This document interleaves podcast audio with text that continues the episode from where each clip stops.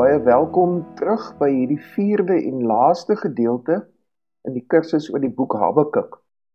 In die derde gedeelte, die laaste gedeelte, een wat u gekyk het, het ons baie pertinent gekyk na enkele teologiese temas wat in die boek na vore kom en ons het gekyk ook na hoe hierdie boek deur die geskiedenis heen geïnterpreteer is in verskillende tradisies, hoe dit in die Christendom opgeneem is en in die Nuwe Testament aangehaal word Eh, maar selfs ook in die Joodse tradisie.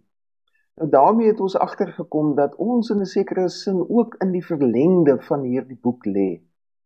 Die Bybel is nie 'n museumstuk wat ons eers in 'n in 'n kas sit en ons uh, stof hom so af en toe af net om weer ons uh, eerbied aan die Bybel te betoon nie. Nee, ons bely as gelowiges dat die Bybel die woord van God is wat lewend en kragtig is, ook in ons eie tyd deur te kyk na hoe die interpretasie van hierdie boek oor eeue heen geskied het, uh, het ons agtergekom dat hierdie boek telkens weer nuut word in nuwe omstandighede. En dat ons daarom ook uiteindelik sou kon sê dat ons deur ons deel wees van 'n geloofsgemeenskap waarin ons hierdie boek lees, is ons in 'n sekere sin deel van die gehoor van hierdie teks.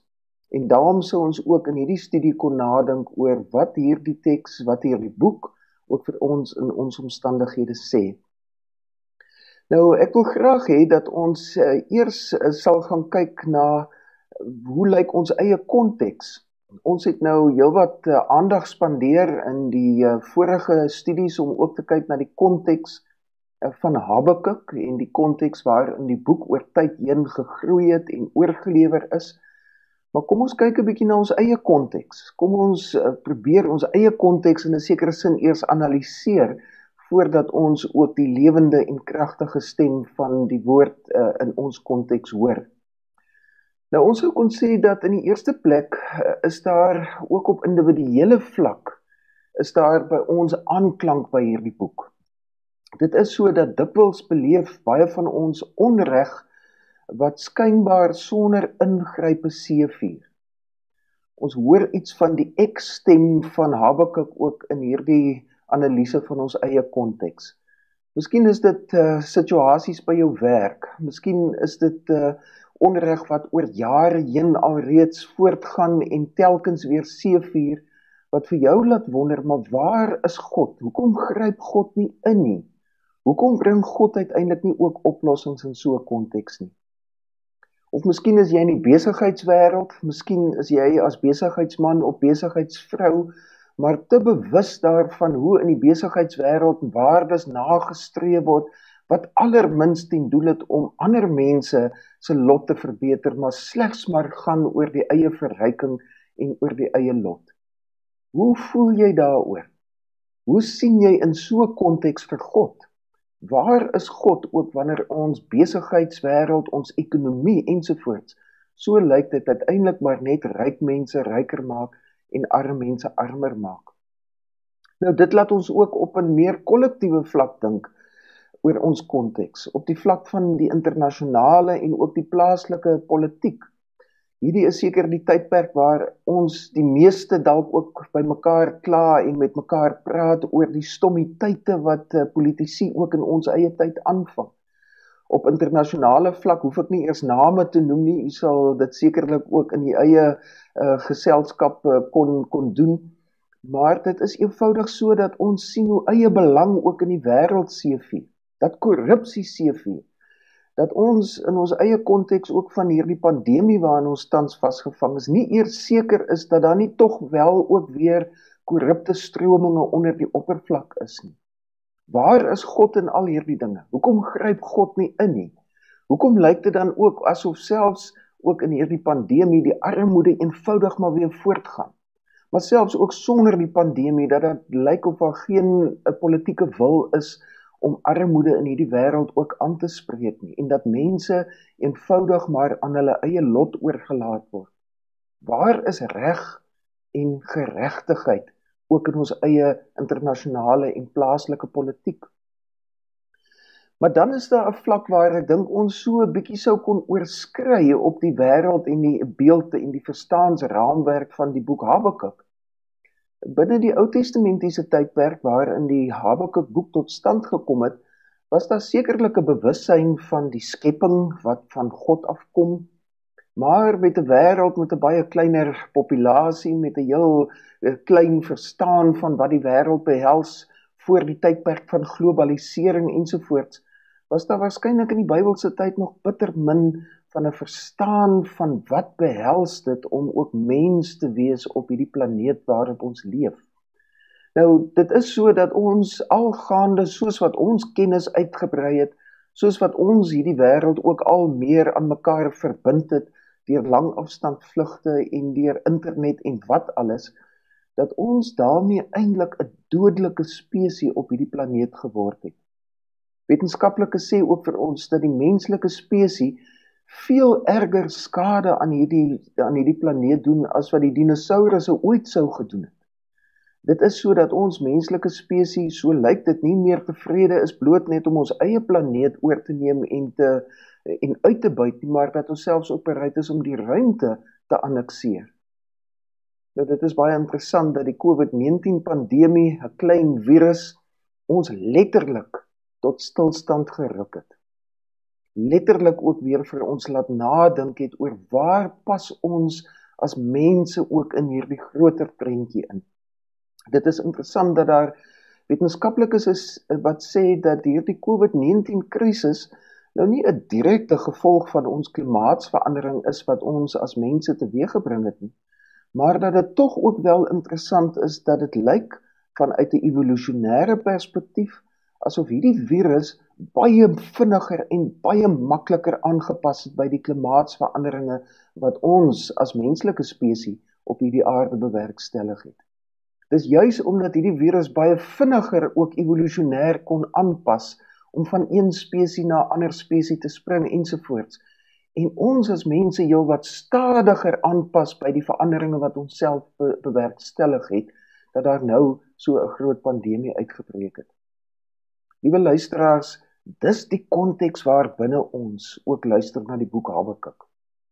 Binne ons eie individuele kring, die stem wat ons self ook laat hoor om te vra in ons kontekste, waar is God wanneer reg uh, en uh, eenvoudig vertrap word en geregtigheid nie geskied in ons eie kontekste nie. Wanneer ons in hierdie wêreld ons afvra, waar is God in hierdie wêreld om ook 'n 'n regverdige bedeling vir almal te bewerkstellig? En wanneer ons afvra ook op 'n kosmiese vlak, waar is God wanneer ons ook met hierdie planeet besig is en wanneer ons die ruimte ook wil annekseer? Nou, liewe vriende, Habakuk help vir ons om in so 'n konteks te kan nadink. Soos ons agtergekom het, ons konteks is natuurlik ook deels dieselfde as wat Habakuk se was, maar ook deels totaal anders. Dit is so dat Habakuk, die boek Habakuk en die die feit dat hierdie boek oor tyd gegroei het, dat dit oor eeue heen oorgelewer is, geherinterpreteer is in nuwe kontekste, vir ons ook die moed gee om vanuit hierdie boek na te dink oor hoe ons oor God in ons wêreld moet praat en dink. Die eerste punt wat ek daarom sou wou noem, is naamlik dat hierdie boek help vir ons hoe om te besef hoe ons met God hieroor kan praat dat reg en geregtigheid nie geskied nie. Dat dit lyk asof die wêreld eenvoudig maar in beheer van homself is en nie in beheer van God nie. Nou, liewe broers en susters, iets wat ons in die laaste tyd ook al hoe meer vir mekaar in die kerk begin sê, is dat die kwessie van klag of soos wat ons dit in Engels noem lament iets is wat ons vir baie lank afgeskeep het. Ons dink dat ons teenoor God nie mag kla nie. Nou miskien het dit ook te maak daarmee dat ons baie respek vir God het, dat ons nie vir God wil skel nie. Maar tog is dit interessant dat in die boek Habakuk hoor ons dat Habakuk vra Here, hoe lank nog? Hoe lank moet ons nog uithou met 'n wêreld waarin onreg seevier? Hoekom lyk dit asof u afwesig is? Waar is u? Hoekom gryp u nie in nie? Nou dit is 'n manier wat ons nie sommer met God sal praat nie. En tog wil Habakuk ons aanmoedig om ook te kla. Maar let op die klagte van Habakuk het 'n adres. Dit is nie maar net kla in die lug in nie. Dit is kla teenoor God.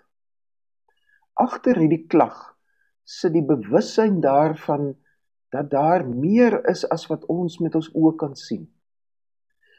Daar agter sit 'n bewussyn dat daar tog wel 'n God is wat ons gekla hoor.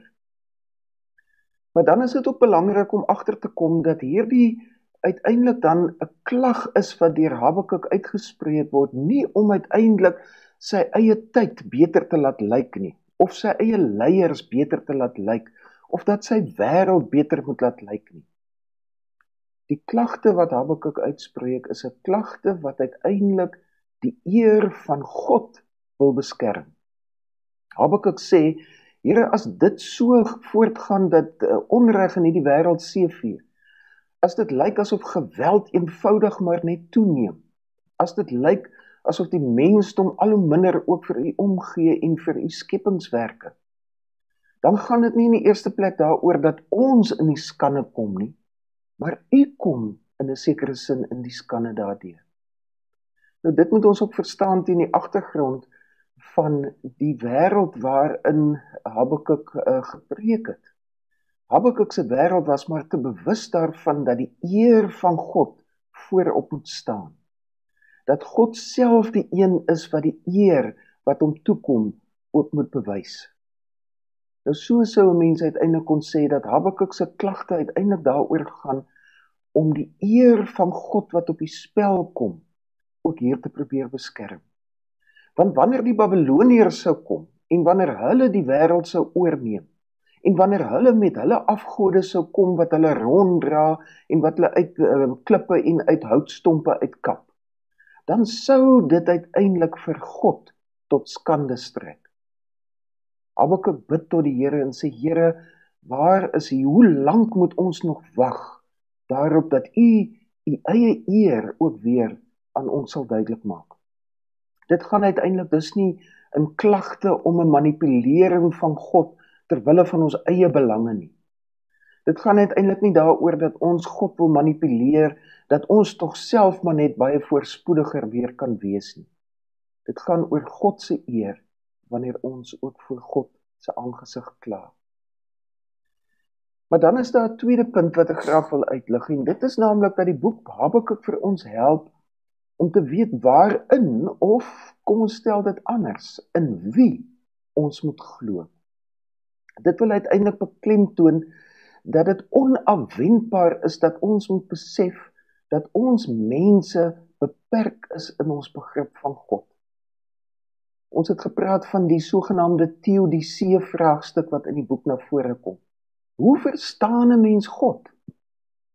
As God wil, dan hoekom doen hy dit dan nie? As God kan, hoekom doen hy dit dan nie? Daarom konfronteer hierdie boek ons in 'n sekere sin ook met hierdie onafwendbaarheid van ons menslike beperkings om oor God te kan praat en om oor God te kan dink.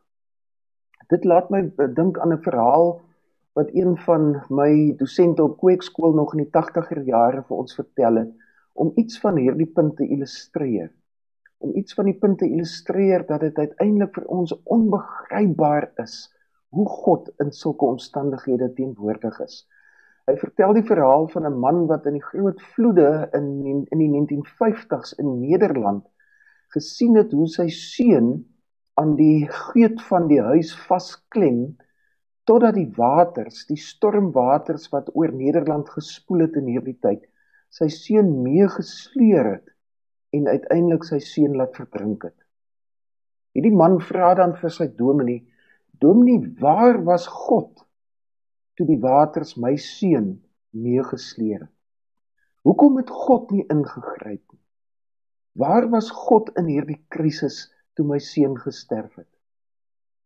Die antwoord van die dominee in hierdie konteks sê iets van hierdie teodisee vraagstuk. Die dominee antwoord nie met 'n slim alleswetende reaksie nie, maar antwoord om te sê: "Nee meneer, ek weet ook nie waar God was nie. Ek weet ook nie hoekom God nie ingegryp het nie. Al wat ek weet is dat God sy seun agter jou seun in die water laat inval het. Nou hierdie antwoord het iets gesê van die onmagtigheid, die onafwendbaarheid dat ons ons eie beperkings moet moet begryp. Ons weet nie, maar wat ons wel weet is dat God sy eie seun agter ons in die stormwaters laat inval het. Ons weet dit deur die lewe en die sterwe van God se seun dat God self sy eie seun opgeoffer het op ter wille van hierdie vraagstukke wat ons in die wêreld vra. Daarom is dit so belangrik om ook te kyk na hoe die Griekse vertaling van die uh teks in Habakuk uh hierdie teks vertaal het in hoofstuk 2 vers 4 waar dit nie gaan oor die getrouheid van die gelowige, die een wat aan God getrou bly nie, maar waar dit in die Griekse vertaling dan gaan oor God se getrouheid wat uiteindelik vir ons laat lewe. Dit is uiteindelik die sekerheid wat ons kan hê is dat God getrou bly. Dieselfde professor wat vir ons die verhaal oor die Nederlandse man vertel het, het dikwels ook vir ons in die klas gesê Onthou as jy oor geloofsekerheid praat. Geloofsekerheid is nie sekerheid van ons geloof nie, maar 'n sekerheid van die een in wie ons glo. Uiteindelik kan ons nie in ons menslike beperkings die hele tyd hierdie supergelowiges wees wat deur alle krisisse heen nooit twyfel. Ons is mense. Ons is beperk in ons verstaan van God.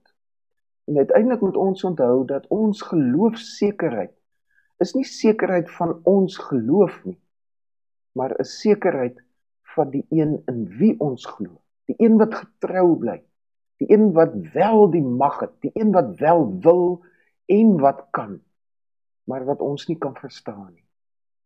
Nou daar's 'n gesprek in die Nuwe Testament wat vir my altyd baie beteken en dit is naamlik wanneer Jesus ook vir 'n man vra, "Glo jy?" Dan sê die man, "Ja, ek glo, Here. Kom my ongeloof te hulp." Ons geloof is uiteindelik nie 'n sterk, magtige uh geloof nie. Dit is 'n geloof wat broos is, wat vra soos Habakuk, Here, hoe lank nog? Here, hoe nou? Here, waar is U? Daarom ook die derde aspek. Habakuk help ons om te verstaan hoe ons moet glo. Ons het gesien dat in Habakuk en eh, trouens in die hele Ou Testament is daar nie 'n ekwivalente begrip vir geloof soos wat ons dit in die Nuwe Testament gesien het nie. Dit is uh, op 'n totaal ander manier hoe Habakuk in die Ou Testament daarvan praat. Hoe ons moet glo word uitgedruk deur wag. Ons het gesien in Habakuk, ek wil op my wagtoring gaan sit. Ek wil nou keurig kyk hoe God in hierdie wêreld gaan ingryp. Daar's 'n sekere sin die onafwendbaarheid van die nogtans wat ons in hoofstuk 3 teëgekom het. Nou let op dat in die gedeelte in hoofstuk 3 waar uh, Habakuk dan uiteindelik hierdie pragtige gebed bid en ons sou dit ook 'n geloofsbelijdenis eh, kon noem wanneer hy dit uiter dan sê hy al sou die vrye bome nie bot nie al sou daar nie druiwe wees om te oes nie al sou die olyfoes misluk al sou daar nie klein vee in die krale wees nie al sou daar nie meer beeste wees nie. Nou let op hierdie vyf dinge wat genoem word was die basiese dinge wat nodig was vir 'n bestaan in die ou nabye oosterse tydperk. Onthou vye, druiwe, olyfolie. Dit was die basiese bronne van suiker. Dit was die basiese bronne van energie. Olyfolie wat ge gebruik is nie net om te kook nie, maar ook wat gebruik is as salf om in wonde in te vryf, wat gebruik is as olie in lampe om lig te bring uh ons weet dat hierdie basiese kossoorte uiteindelik mense in 'n droë dorre wêreld van die ou nabye ooste aan die lewe gehou het. Klein vee en beeste, dit waarmee rondgetrek is agter oeste aan. Dit was uiteindelik die lewensaar wat mense aan die lewe gehou het. Daarsonder sou jy sterf. Nou dit is interessant dat Habakuk se geloofsbelijdenis uiteindelik sê al sou al hierdie dinge faal. Al sou daar geen oes te wees nie. Al sou daar geen kleinvee en beeste meer oorwees nie, nogtans sal ek in die Here jubel. Nou u hoor dat hierdie gebed of hierdie geloofsbelijdenis van Habakuk geensins ook 'n sterk belijdenis is wat sê Here ek glo in u en daarom weet ek dat u dit alles voorspoedig vir my en vir ander sal laat gaan nie. Hierdie teks van Habakuk sny 'n voorspoedsteologie by die wortel af. Dit is nie 'n geloof wat bely word wanneer ons die vertroue het dat daar weer oorvloed gaan kom, wanneer daar oplossings gaan kom, wanneer reg en geregtigheid gaan seëvier nie. Dit is 'n geloof wat sê nogtans ten spyte van Nou hierdie teks wat voortgaan om te sê nogtans sal ek jubel en juig in die Here sê juis ook dat ons weet dat dit die Here is in wie ons glo. Dit is hy wat getrou bly. Dis nie ons getrouheid waaroor dit gaan nie. Maar dit laat my ook onverwendbaar dink aan 'n begrafnis wat ek 'n keer moes hou toe ek in die 1990s in 'n gemeente in Stellenbosch predikant was. Ek uh, het die baie hartseer moes deurleef uh, van ouer 'n ouer paar wat 'n kleintjie op 3 maande ouderdom moes afstaan aan die dood.